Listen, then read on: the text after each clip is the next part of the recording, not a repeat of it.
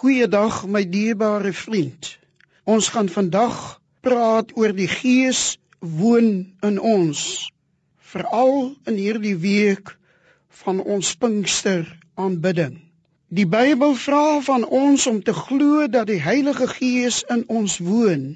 Dit is eintlik iets verbuisterends as ons besef dat die Heilige Gees God self is. Nie maar iets goddeliks of 'n goddelike krag nie. Die Gees is die heilige, almagtige, ewige, oneindige God self. Dit geld uiteraard slegs as 'n belofte vir diegene wat deur die geloof in Christus ingeplant is.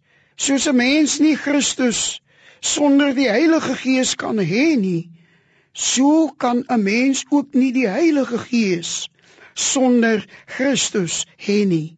Maar as ons deur die geloof in Christus kinders van God is, mag ons nie daaraan twyfel dat die Heilige Gees self in ons harte woon en dat hy aan ons gegee is om alles tot ons eiendom te maak wat Christus vir ons verkry het nie.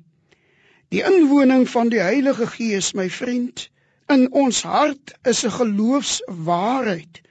Daarom moet ons telkens weer tyd neem om stil te word om ons gedagtes daarop te rig en dit deur die geloof opnuut as werklikheid vir ons self toe te eien sodat dit deel van ons bewussyn kan word. Dan moet ons God daarvoor dank en ons opnuut oopstel vir die werking van die en heerskappy van die Gees.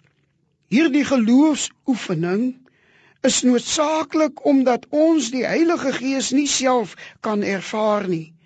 Soms dink gelowiges dat hulle die Gees ervaar in oomblikke van intense vreugde of selfs in ekstatiese belewennisse.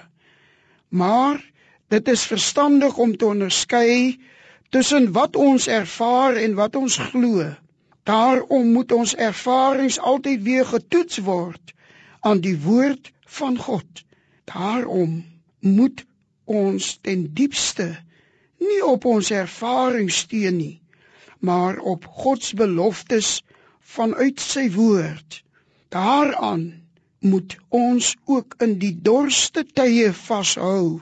Die Gees is getrou Op sy tyd sal hy ons deur die geloof weer die versekering en die vreugde gee wat ons nodig het.